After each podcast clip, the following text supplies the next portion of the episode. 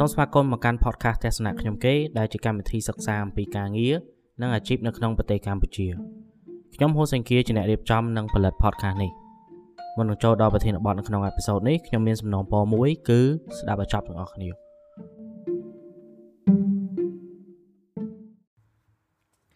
នៅក្នុងអេពីសូតនេះគឺជាការផ្លាស់ប្ដូរមួយរបស់ podcast ទស្សនៈខ្ញុំគេ ដែលខ្ញុំនឹងធ្វើមកជាការ record episode វែងៗវិញ ពីមុនខ្ញុំមានពេលអង្គុយថតអាប្រធានបទខ្លីៗហើយយកមកកាត់វាជាអេពីសូតទូចៗមួយមួយប៉ុន្តែឥឡូវខ្ញុំអត់សូវមានពេលអញ្ចឹងខ្ញុំត្រូវរៀបចំអេពីសូតហ្នឹងថតតែម្ដងហើយដាក់វាធ្វើជាអេពីសូតមួយតែម្ដងហើយនេះសម្រាប់អ្នកដែលស្ដាប់ podcast នៅពេលជិះម៉ូតូខ្ញុំគិតថាវាមានប្រយោជន៍ច្រើនជាងដោយសារខ្ញុំធ្លាប់ទទួលបាន comment មកថា podcast របស់ខ្ញុំខ្លីខ្លាំងពេកគាត់ត្រូវឈប់ម៉ូតូសិនដើម្បីដូរអេពីសូតមួយទៀត អានេះមិនមែនជាកំហុសរបស់ខ្ញុំទេអានេះជាកំហុសរបស់អ្នកដែលធ្វើ app podcast ដែលវា upload ទៅ episode ផ្សេងទៀតដោយខ្លួនឯងជាពិសេសគឺ Google Podcast អញ្ចឹងមូលហេតុអីបានជាខ្ញុំផ្លាស់ប្ដូររយៈពេលនៃការថត podcast នេះវិញខ្ញុំគិតថា podcast ខ្លីៗវាអាចងាយស្រួលក្នុងការស្ដាប់បើសិនជាវាតាក់ទងជាមួយនឹងជំនាញបច្ចេកទេសឧទាហរណ៍ដូចជា podcast សាមញ្ញរបស់ខ្ញុំមួយទៀតដែលធ្វើតាក់ទងជាមួយនឹង content marketing អញ្ចឹងបើសិនជាខ្ញុំយកប្រធានបទ 4 5យកមកដាក់ចូលគ្នានៅក្នុងអេពីសូតតែមួយអ្នកស្ដាប់គាត់អាចនឹងវង្វេងគាត់អត់ដឹងថាតើគាត់គួរចាប់យកមួយណាឯងអញ្ចឹងបានជាខ្ញុំដាក់ប្រធានបទតែមួយហើយរយៈពេលវាមិនលើសពី10នាទីឯនៅក្នុងមួយអេពីសូតអញ្ចឹងនៅក្នុងរយៈពេល10នាទីហ្នឹងខ្ញុំអាចបញ្យល់ផងឲ្យយមន័យផង លើកជាឧទាហរណ៍ផ្ទាល់នៅក្នុងស្រុកខ្មែរយើងផងដើម្បីឲ្យគាត់ងាយស្រួលក្នុងការយល់សំខាន់គឺអ្នកស្ដាប់គាត់ស្ដាប់ឲ្យគាត់យល់មិនមែនស្ដាប់ចោល ប៉ុន្តែទស្សនៈខ្ញុំគេគឺខុសគ្នាទស្សនៈខ្ញុំគេជា podcast ដែលនិយាយអំពីការងារវាជាជំនាញអាចជាចំណេះដឹងទូទៅអញ្ចឹងដោយសារតែវាជាចំណេះដឹងទូទៅយើងអាចស្ដាប់ធម្មតាបានអត់ចាំបាច់អង្គុយស្ដាប់តែម្ដងទេយើងអាចធ្វើការអីផ្សេងទៅយើងស្ដាប់បដាយើងធ្វើបដាអញ្ចឹងទៅវាដូចតែយើងស្ដាប់ចម្រៀងស្ដាប់វិទ្យុដែលគេនិយាយរៀបរាប់ពីនេះពីនោះអញ្ចឹង podcast ទស្សនៈខ្ញុំគេគឺរបៀបហ្នឹងគឺស្ដាប់របៀបលក្ខណៈកំសាន្តតែទទួលបានជាបទពិសោធន៍ បទពិសោធន៍ផ្ទាល់ខ្លួនខ្ញុំឬក៏ជាបទពិសោធន៍ដែលខ្ញុំដកស្រង់ពីអ្នកដតីមកហ្នឹងចឹងដោយសារតែ podcast នេះមានរយៈពេលវែងខ្ញុំត្រូវការពេលកាត់ពេល edit ច្រើនអញ្ចឹងខ្ញុំអាចផុសក្នុងមួយអាទិត្យដល់ទៅ5ឬ6អេពីសូតទៀតទេយ៉ាងច្រើនក្នុងមួយអាទិត្យខ្ញុំអាចផលិតបានតែត្រឹម2អេពីសូតប៉ុណ្ណោះអញ្ចឹងអ្នកទាំងអស់គ្នាអាចស្ដាប់តាមសម្រួលទៅអត់ចាំបាច់បខំដូចមុនដោយសារតែមានអេពីសូតច្រើនចង់ស្ដាប់ឲ្យឆាប់ចប់ទេអានេះគឺអាចស្ដាប់តាមសឹមសឹមសឹមសឹមអញ្ចឹងទៅ អាទិត្យខ្លះបើសិនជាខ្ញុំជាប់ដៃខ្ញុំអត់បានធ្វើ podcast ទេអញ្ចឹងអត់មានអីថ្មីទេនៅក្នុងអេពីសូតហ្នឹងតែបើសិនជាអ្នកនរគ្នាបាត់អត់ឃើញមានចេញអេពីសូតថ្មីកុំទាន់អាចគិតថាខ្ញុំបិទ podcast ហ្នឹងចោលគ្រាន់តែខ្ញុំរវល់ហើយផ្អាកការធ្វើសិនអញ្ចឹងនិយាយតាក់ទងជាមួយនឹង podcast នេះអឺទស្សនៈខ្ញុំគេនៅពេលដែលធ្វើឡើងដំបូងគឺខ្ញុំចង់ធ្វើវាជា podcast លក្ខណៈ interview គឺខ្ញុំសម្ភាសអ្នកដតីដែលគាត់ធ្វើការនៅក្នុងការងារផ្នែកផ្សេងផ្សេង ហើយឲ្យគាត់ចែកម្លែកបទពិសោធន៍របស់គាត់នឹងដល់អ្នកដតីទៀតដែលស្ដាប់ហើយលោកគេចាប់អារម្មណ៍ការងាររបស់គាត់ដែរប៉ុន្តែអាការស្វែងរកគេមកសម្ភាសហ្នឹងវាពិបាកខ្លាំងពេកអ្នកខ្លះគេអត់មានពេលហើយពេលខ្លះគេមានពេលខ្ញុំអត់មានពេលវិញអញ្ចឹងវាពិបាកណាមួយបើសិនជាខ្ញុំធ្វើ podcast ដោយពឹងលើអ្នកដតីមានពេលតនេ podcast ខ្ញុំអត់អាចទៅមុខបានទេ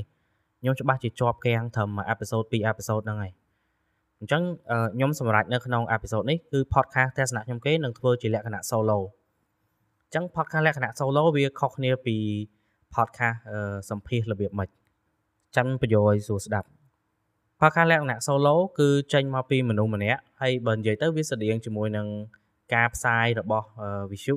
គឺមនុស្សតែម្នាក់ឯងចូលមកនិយាយអាព័ត៌មានអស់ហ្នឹងហើយនៅពេលដែលគាត់ចប់ទៅមានម្នាក់ទៀតចូលមកនិយាយបន្តទៀតអញ្ចឹងគឺជាការផ្សាយ solo អញ្ចឹងឯង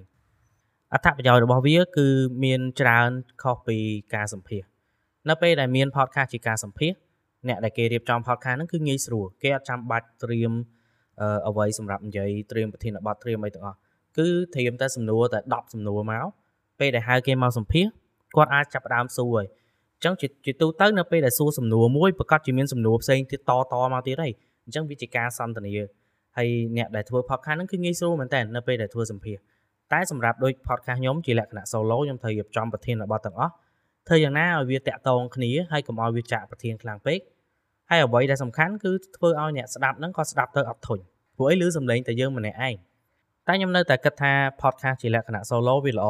វាដូចជាអ្នកដែលគេស្ដាប់ហ្នឹងគេបានស្គាល់ពីខ្ញុំច្រើនជាងមុនគេយល់ពី style និយាយគេយល់ពីបទពិសោធន៍ដែលខ្ញុំមាននៅក្នុងការងារហ្នឹងអញ្ចឹងពួកគាត់អាចនឹងទុកចិត្តខ្ញុំជាងនៅពេលដែលខ្ញុំសម្ភាសអ្នកដទៃ នៅពេលដែលសម្ភាសគេយើងអាចឧទាហរណ៍ថាអ្នកដែលគេមកសម្ភាសជាមួយយើងហ្នឹងគេនិយាយអីខុសទៅយើងអាចទៅចាប់កំហុសគេភ្លាមភ្លាមហ្មងឯងព្រោះទីមួយយើងមិនមែនជាអាស៊ីសេរីយើងត្រូវតែទុកមុខឲ្យអ្នកដែលគេមកសម្ភាសមួយយើងបើសិនជាគេសម្ភាសមួយយើងម្ដងយើងវាយម្បាក់មុខគេនៅក្នុងកម្មវិធីឬក៏នៅលើយកទៅសរសេរបន្តទៀតនៅលើអ៊ីនធឺណិតលែងមានអ្នកណាហ៊ានមកសម្ភាសជាមួយយើងហើយអានេះជាគុណវិបត្តិមួយគឺយើងត្រូវតែ រក្សាភាពស្ងៀមស្ងាត់ទោះបីជាយើងមិនពេញចិត្តជាមួយនឹងអ្វីដែលគេនិយាយក៏ដោយយើងទុកឲ្យអ្នកដែលគេស្ដាប់ហ្នឹងគេវាយតម្លៃខ្លួនឯងថាមនុស្សហ្នឹងជាមនុស្សរបៀបណាយើងគ្រាន់តែរៀបចំឲ្យកម្មវិធីហ្នឹងមានក្បាលមានកតុយត្រឹមត្រូវចប់ដោយស្រួលបួរហើយជៀសវាងចំនួនដែលមិនចាំបាច់ដែលធ្វើឲ្យប៉ះពាល់ដល់ភ្ញៀវសម្ភាសក្រោយៗទៀតតែ podcast solo អត់ត្រូវការអញ្ចឹងទេខ្ញុំអាចនិយាយអីក៏បានដែរនៅក្នុងនេះអឺមិនមែននិយាយអីក៏បានទេខ្ញុំអាចនិយាយអឺអ្វីដែលខ្ញុំត្រៀមទុកបាន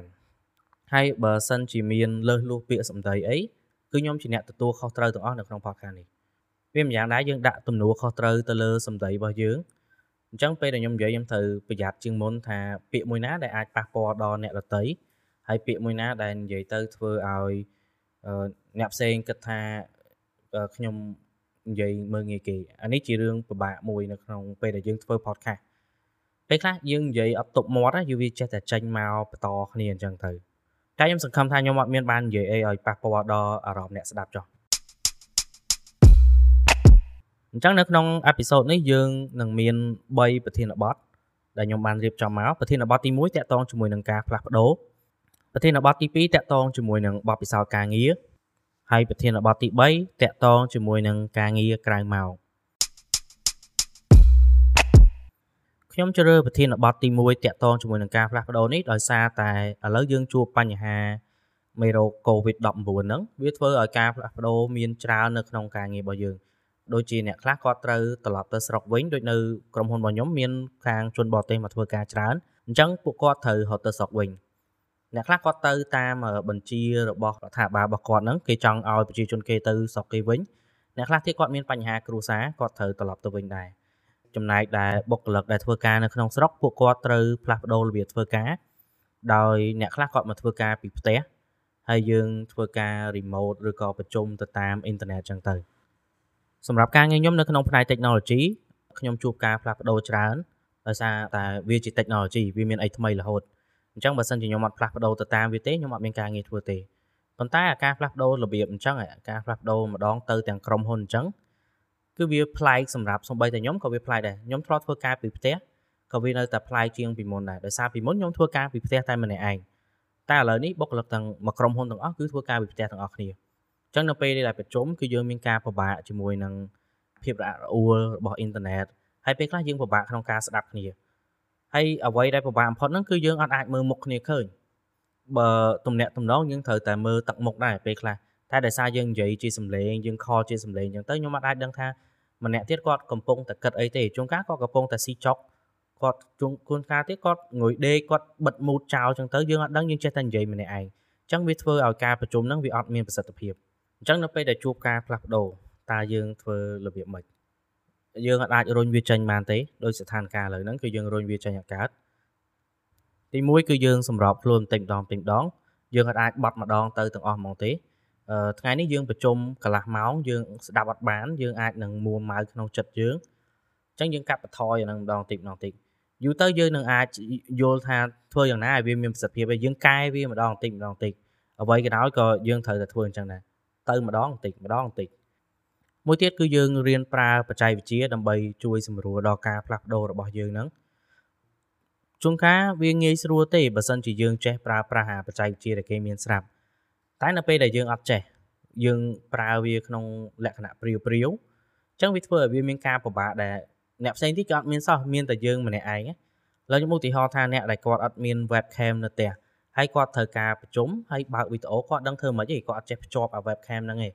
ហើយអា webcam ដែលមានមកជាមួយនឹង laptop របស់គាត់ហ្នឹងវាមើលរូបអត់ច្បាស់វាបើកមកឃើញសម្ោស្ទងស្ទងដូចខ្មោចអញ្ចឹងគាត់ត្រូវទិញ webcam ក្រៅដើម្បីមកភ្ជាប់ជាមួយនឹងកុំព្យូទ័ររបស់គាត់ហ្នឹងអញ្ចឹងគាត់គាត់ត្រូវរៀនពីហ្នឹងរៀនពីរបៀប install driver របៀបផ្លាស់ប្ដូរអា webcam នៅក្នុង setting computer ហ្នឹងគាត់ត្រូវរៀនអញ្ចឹងទៀតអញ្ចឹងបច្ចេកវិទ្យាដើរតួសំខាន់មែនទែននៅក្នុងការផ្លាស់ប្ដូរខ្ញុំមិននិយាយអញ្ចឹងដោយសារតែខ្ញុំធ្វើការនៅក្នុងផ្នែកបច្ចេកវិទ្យាទេអានេះវាជាការប៉ັດមួយថាបច្ចេកវិទ្យាវាជួយឲ្យមនុស្សអាចផ្លាស់ប្ដូរបានលឿនជាងមុនការផ្លាស់ប្ដូរមួយទៀតដែលខ្ញុំទៅតែនឹងជួបនៅក្រុមហ៊ុនហ្នឹងគឺមេរបស់ខ្ញុំហ្នឹងគាត់ត្រូវបដូរទៅនៅប្រទេសអាមេរិកវិញ អានេះជាបញ្ហាមួយព្រោះពីមុនមកដូចជាខ្ញុំមានគាត់ជាខ្នងបង្អែកមួយនៅក្នុងការងារអញ្ចឹងអញ្ចឹងពេលដែលមានបញ្ហាអីពិបាកខ្ញុំហត់ទៅគាត់តែឥឡូវអស់ពីគាត់ទៅខ្ញុំអត់ដឹងទៅហត់ទៅអ្នកណាគេទេអានេះវាជាបញ្ហាមួយហើយបើសិនជាមានមេមកជំនួសថ្មីទៀតខ្ញុំត្រូវចំណាយពេលដើម្បីបង្កើតតំណែងជាមួយគាត់ទៀតថាមិនត្រូវអត់អាចបង្កើតតំណែងបានផងតែនេះខ្ញុំពិបាកនិយាយដែរដោយសារឥឡូវគេអត់ទាន់មានហើមេថ្មីមកអញ្ចឹងខ្ញុំអាចធ្វើការធម្មតាដោយអត់មានមេសិន អញ្ចឹងខ្ញុំសរុបមកវិញប្រធានបទទី1នេះគឺថាការផ្លាស់ប្ដូរវាអាចមានគ្រប់ពេលទាំងអស់នៅក្នុងការងារជួនកាលវាតូចខ្លាំងពេកយើងអត់ចាប់អារម្មណ៍ទេហើយជួនកាលវាធំដូចឥឡូវដែលយើងកំពុងតែជួបទាំងអស់គ្នាអញ្ចឹងវាធ្វើឲ្យយើងភ្ញាក់ផ្អើលជាមួយនឹងការផ្លាស់ប្ដូរហ្នឹងពេលដែលយើងទៅធ្វើការគឺយើងត្រូវតែចាំថាយើងត្រូវតែត្រៀមខ្លួនសម្រាប់ការផ្លាស់ប្ដូរអញ្ចឹងហើយបានជាអេពីសូតមុនមុនខ្ញុំឲ្យអ្នកដែលធ្វើការទាំងអស់គាត់អាសាអាប់ដេត CV ខ្លួនឯង ដើម្បីងាយស្រួលនៅពេលដែលការងាររបស់គាត់បត់មកទំហឹងទៅគាត់អាចស្វែងរកការងារថ្មីដើម្បីជួយខ្លួនឯងបានបើសិនជាយើងអត់បានត្រៀមខ្លួនមុនគឺវាពិបាកដូចឥឡូវហ្នឹងចឹងតែបើសិនជាយើងចេះត្រៀមខ្លួនថាការផ្លាស់ប្ដូរវាអាចនឹងកើតមានឡើងយើងអាចនឹងបត់តាមអាស្អីដែលបដូរនឹងតាន់ពេលវេលាប្រធានបទទី2ដែលខ្ញុំនឹងយកមកនិយាយគឺតកតងនឹងបទពិសោធន៍ បទពិសោធន៍គឺជាសារៈប្រយោជន៍មួយទៀតដែលយើងទាំងអស់គ្នាទៅធ្វើការក្រៅពីប្រាក់ខែបើសិនជាយើងធ្វើការបានតលុយតែមួយមុខហើយអត់មានបទពិសោធន៍ថ្មីសោះការងាររបស់យើងក៏វាអាចបំពេញ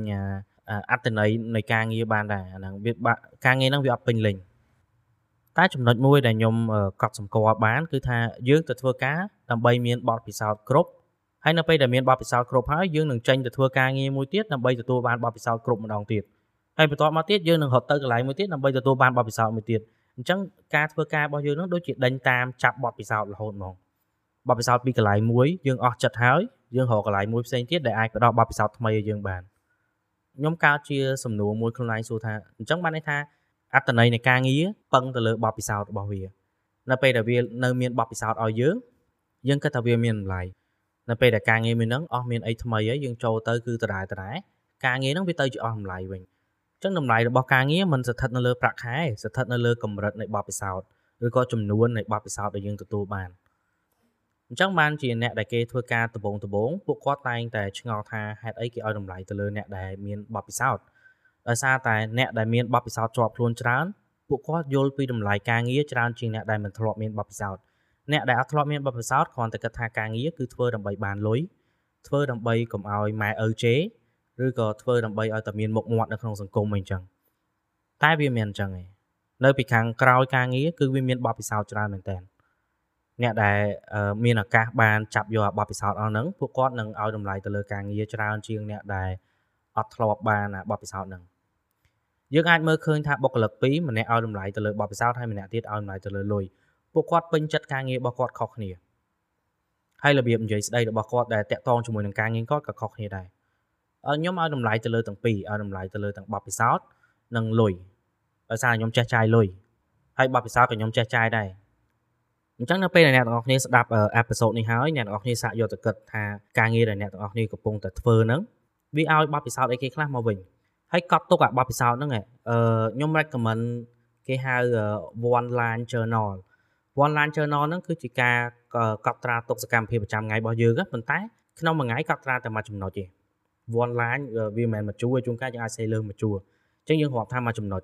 ក្នុងមួយថ្ងៃអ្នកទាំងអស់គ្នាកត់ថាតើបានរៀនអីគេខ្លះពីការងារមួយហ្នឹងទទួលបានបទពិសោធន៍អីគេខ្លះមិនមែនតែបទពិសោធន៍ល្អដែលយើងត្រូវកត់ចូលយើងកត់ទាំងអស់ទាំងបទពិសោធន៍មិនល្អគេស្ដីឲ្យគេមើងងាយឬក៏យើងធ្វើខុសអីមួយធ្វើឲ្យខាតលុយក្រុមហ៊ុនយើងកត់ចូលទាំងអស់អាហ្នឹងជាបទពិសោធន៍របស់យើងហើយបទពិសោធន៍នេះយើងអត់ចាំបាច់យកទៅដាក់នៅក្នុង CV ដើម្បីឲ្យគេឃើញទេអានេះវាជារបស់ផ្ទាល់ខ្លួនយើង ដែលយើងទុកមើលដោយខ្លួនឯងនៅថ្ងៃក្រោយទៅដើម្បីវាម្លាយការងារមួយហ្នឹងហើយបើសិនជាឧទាហរណ៍ថាយើងជាអ្នកនិពន្ធអឺយើងចូលចិត្តថតវីដេអូយើងអាចចែកម្លែកអាបទពិសោធន៍ហ្នឹងរបស់យើងបានយើងយកបទពិសោធន៍របស់យើងមកធ្វើជា content សម្រាប់ផ្សព្វផ្សាយនៅលើអ៊ីនធឺណិតអញ្ចឹងទៅហើយបើចង់ដឹងពីការធ្វើ content អ្នកនរគ្នាអាចស្ដាប់ podcast មួយទៀតរបស់ខ្ញុំបានគឺសាមញ្ញ podcast អញ្ចឹងពាក្យចុងក្រោយសម្រាប់ប្រធានបទនេះគឺទៅធ្វើការដើម្បីស្វែងរកបទពិសោធន៍ទាំងអស់គ្នាយកបានកាន់តែច្រើនកាន់តែល្អ ហើយបើសិនជាមានមិត្តភ័ក្តិចិត្តស្និទ្ធអីយើងអាចបបួរគ្នាចែកម្លែកផ្លាស់ផ្លាស់ប្ដូរបទពិសោធន៍នឹងអញ្ចឹងទៅយើងកាន់អាសភៅ journal ដែលយើងកត់រាល់ថ្ងៃហ្នឹងយើងយកទៅចែកគ្នាទៅក្នុងមួយអាទិត្យយើងជួបគ្នាម្ដងឬក៏តេទៅព្រោះឥឡូវយើងអាចចេញទៅក្រៅជួបគ្នាដូចមុនបានអញ្ចឹងយើងតេចែកម្លែកបទពិសោធន៍អញ្ចឹងទៅប្រធានបទទី3តកតងជាមួយនឹងអ្នកដែលធ្វើការក្រៅម៉ោងឬយើងហៅថា part timer កាលពីប្រហែលខែមុនខ្ញុំបានដាក់ពាក្យស្នើសុំទៅក្រុមហ៊ុនរបស់ខ្ញុំដើម្បីធ្វើជាបុគ្គលិក part time មូលហេតុគឺដោយសារតែខ្ញុំអត់ចង់ជិះម៉ូតូទៅឆ្ងាយហើយខ្ញុំចង់យកពេលនៅផ្ទះហ្នឹងដើម្បីធ្វើ content ខ្លួនឯងតែខាងក្រុមហ៊ុនគេបដិសេធចោលហើយគេលើកយក head ផលច្រើនមែនតើដើម្បីកុំឲ្យខ្ញុំធ្វើជា part time ហើយផលទី1គឺគេដកយក insurance និង benefit ទាំងអស់ដែលបុគ្គលិកពេញពេញម៉ោងមានហើយដកចេញពី កងត្រារបស់ខ្ញុំហើយខ្ញុំត្រូវចោះកងត្រាសារថ្មីទៀតហើយគេត្រូវចាប់ផ្ដើមគុណចែកលុយដកចេញឲ្យពួកយើងមិនមែនជាបុគ្គលិកពេញម៉ោងទៀតទេតែខ្ញុំឆ្ងល់មួយថាហេតុអីបានជាគេមិនចូលចិត្តបុគ្គលិកពេញម៉ោងព្រោះតាមអ្វីដែលខ្ញុំគិតខ្ញុំគិតថាបើសិនជាខ្ញុំធ្វើការពេញម៉ោងក៏ខ្ញុំអាចធ្វើបានលទ្ធផលប៉ុណ្ណឹងដូចគ្នាព្រោះវាមិនដែរក្នុងរយៈពេល8ម៉ោងយើងអាចផ្ដោតទៅលើការងារយើង8ម៉ោងហ្មងទេយើងប្រកាសជាមានពេលខ្លះយើងខ្ជិលយើងឆ្លៀតអូស Facebook ឬក៏អង្គុយមើល YouTube អីហីអាទាំងអស់ហ្នឹងវាជារឿងធម្មតារបស់បុគ្គលិកធ្វើការនៅក្នុង office តែខាងក្រុមហ៊ុនគេគិតអញ្ចឹងទេទោះបីជាក្រុមហ៊ុនឬក៏តកែរបស់យើងគាត់និយាយថាគាត់ឲ្យតម្លៃទៅលើប្រសិទ្ធភាពការងារច្រើនជាងពេលវេលាដែលចំណាយនៅក្នុង office ក៏ដោយក៏វាជាពាក្យដែលគ្រាន់តែនិយាយឲ្យល្អស្ដាប់ដែរក្រុមហ៊ុនឲ្យតម្លៃទៅលើបុគ្គលិកពេញម៉ោងច្រើនជាងបុគ្គលិកក្រៅម៉ោងមូលហេតុគឺគេអាចទុកចិត្តបុគ្គលិកពេញម៉ោងបាន តែគេអាចទុកចិត្តបុគ្គលិកក្រៅម៉ោងបានទេ នៅក្នុង business គឺរបៀបអញ្ចឹងឯងវាពឹងទៅលើការទុកចិត្តគ្នាឡើយខ្ញុំឧទាហរណ៍ថាបុគ្គលិកពេញម៉ោងធ្វើការអាចយកកុំព្យូទ័រមកផ្ទះបានតែបុគ្គលិកក្រៅម៉ោងអាចយកមកបានទេព្រោះគេអត់ទុកចិត្តយើងគេអាចនឹងចាត់ទុកយើងជាអ្នកក្រៅចឹងទោះបីជាលទ្ធផលយើងធ្វើបានល្អមិនក៏ដោយនៅពេលដែលគេប្រជុំនៅពេលដែលគេជប់លៀងអីវិញគឺគេលើកសរសើរតែបុគ្គលិកនៅក្នុងពេញបុគ្គលិកពេញម៉ោងទេបុគ្គលិកក្រៅម៉ោងគឺគ្រាន់តែជា អាចជាឧបករណ៍មួយដែលគេប្រើឬគ្រាន់តែជាអ្នកដែលគេគិតថាយើងមកម្ដងហើយយើងទៅវិញទោះបីជាយើងធ្វើការជាប់លាប់ជាមួយក្រុមហ៊ុនក៏ដោយក៏យើងអត់មានសិទ្ធិស្មើនឹងបុគ្គលិកពេញម៉ោងដែរអានេះជាការគិតរបស់ខាងអ្នកដែលគេធ្វើ business តែសម្រាប់ខ្លួនយើងជាបុគ្គលិកវិញបើសិនជាអាចធ្វើពេញម៉ោងបានគឺវាជារឿងល្អដោយសារតែយើងអាចធ្វើការឲ្យក្រុមហ៊ុនច្រើនបានយើងទទួលបានបទពិសោធន៍ច្រើនជាងមួយកន្លែងឥឡូវខ្ញុំឧទាហរណ៍ថាបុគ្គលិកម្នាក់ធ្វើការពេញម៉ោងហើយម្នាក់ទៀតធ្វើការក្រៅម៉ោង អញ្ចឹងបុគ្គលិកដែលធ្វើការក្រៅម៉ោងអាចទទួលបានបទពិសោធន៍ច្រើនជាងបុគ្គលិកដែលធ្វើការពេញម៉ោងទោះបីជាពួកគាត់ធ្វើការមួយឆ្នាំដូចគ្នាក៏ដោយចុះបើសិនជាម្នាក់ដែលធ្វើការក្រៅម៉ោងហ្នឹងបានធ្វើការជាមួយនឹងក្រុមហ៊ុន2 3ហើយម្នាក់នេះនៅតែងក់កលាមកកន្លែងហ្នឹងនៅតែក្នុងក្រុមហ៊ុនមួយហ្នឹងគាត់មើលឃើញតែការងារនៅក្នុងក្រុមហ៊ុនរបស់គាត់ទេអញ្ចឹងគាត់អត់យល់ពីការងារខាងក្រៅទេអញ្ចឹងសម្រាប់បុគ្គលិកព្យាយាមធ្វើយ៉ាងណាឲ្យខ្លួនឯងអាចធ្វើការងារក្រៅម៉ោងបាន សម្រាប់អ្នកដែលមានគោលបំណងចង់ធ្វើជាបុគ្គលិកក្រៅម៉ោងខ្ញុំសូមឲ្យយោបល់មួយ គឺរៀនធ្វើជា freelance នៅពេលដែលយើងមានការងារពេញម៉ោងយើងព្យាយាមរកបច្ចេកខាងក្រៅធ្វើឲ្យបានសិនហើយយើងរក្សាទំនាក់ទំនងជាមួយអ្នកដែលគេធ្វើបច្ចេកជាមួយយើងហ្នឹងអញ្ចឹងនៅពេលដែលយើងឈប់ធ្វើការឬក៏នឹងឯថាយើងឈប់ធ្វើការយើងអាចតាក់ទងពួកគាត់ដើម្បីធ្វើការងារក្រៅម៉ោងបាន freelance ជាមួយនឹង part timer វាស្រដៀងគ្នា ប៉ុន្តែអ្វីដែលខុសគ្នាគឺការចុះកងត្រា freelance អត់ចាំបាច់មានកងត្រាច្រើនទេប៉ុន្តែ part timer ត្រូវតែចុះកងត្រាជាមួយក្រុមហ៊ុនបើសិនជាយើងចោះថាយើងធ្វើការរយៈពេល3ខែឲ្យគេយើងត្រូវតែធ្វើការ3ខែហើយដល់ពេលហ្នឹងគឺយើងត្រូវតែមកធ្វើការតែសម្រាប់ freelance ខុសគ្នាព្រោះយើងឃើញពាក្យ free នៅក្នុងហ្នឹងឯងអញ្ចឹង freelance គាត់អាចរើសពេលវេលាដែលគាត់ចង់ធ្វើការបាន ជួនកាលគាត់រវល់នៅការងារមួយទៀតអញ្ចឹងបច្ចេកផ្សេងក្រៅអញ្ចឹងគាត់អាចទេប្រាប់ម្ខាងទៀតថាឲ្យផ្អាកសិនតម្រាំតែគាត់មកដល់អញ្ចឹង freelance វាមានលទ្ធភាពច្រើនជាង តែវាប្រាក់ខែយើងនិយាយពីប្រាក់ខែវិញ freelance វាប្រាក់ខែប្រាក់ចំណូលរបស់គាត់នឹងអត់ថេទេ តែ part timer អាចថេ part timer មានកងត្រាច្បាស់លាស់អញ្ចឹងគេ pay យើងទៀងពេលដូចបុគ្គលិកគេអញ្ចឹងគាត់តែយើងមិនមែនជាបុគ្គលិកគេពេញមកខុសគ្នាតែប៉ុណ្្នឹងឯងអញ្ចឹងខ្ញុំគិតថាខ្ញុំនិយាយគ្រប់គ្រាន់ហើយសម្រាប់ការងារក្រៅម៉ោងនេះប្រធានបទទាំង3នេះគ្រាន់តែជាការចាប់ផ្ដើមរបស់ខ្ញុំទេអញ្ចឹងវាមានកន្លែងដែលវាអត់ទាន់ស៊ីគ្នាហើយខ្ញុំសង្ឃឹមថានៅក្នុង episode ក្រោយខ្ញុំអាចរកប្រធានបទណាដែលវាដាក់ទៅស៊ីគ្នាបន្តិចអញ្ចឹងខ្ញុំមានតែប៉ុណ្ណឹងទេនៅក្នុង episode នេះអរគុណសម្រាប់ការស្ដាប់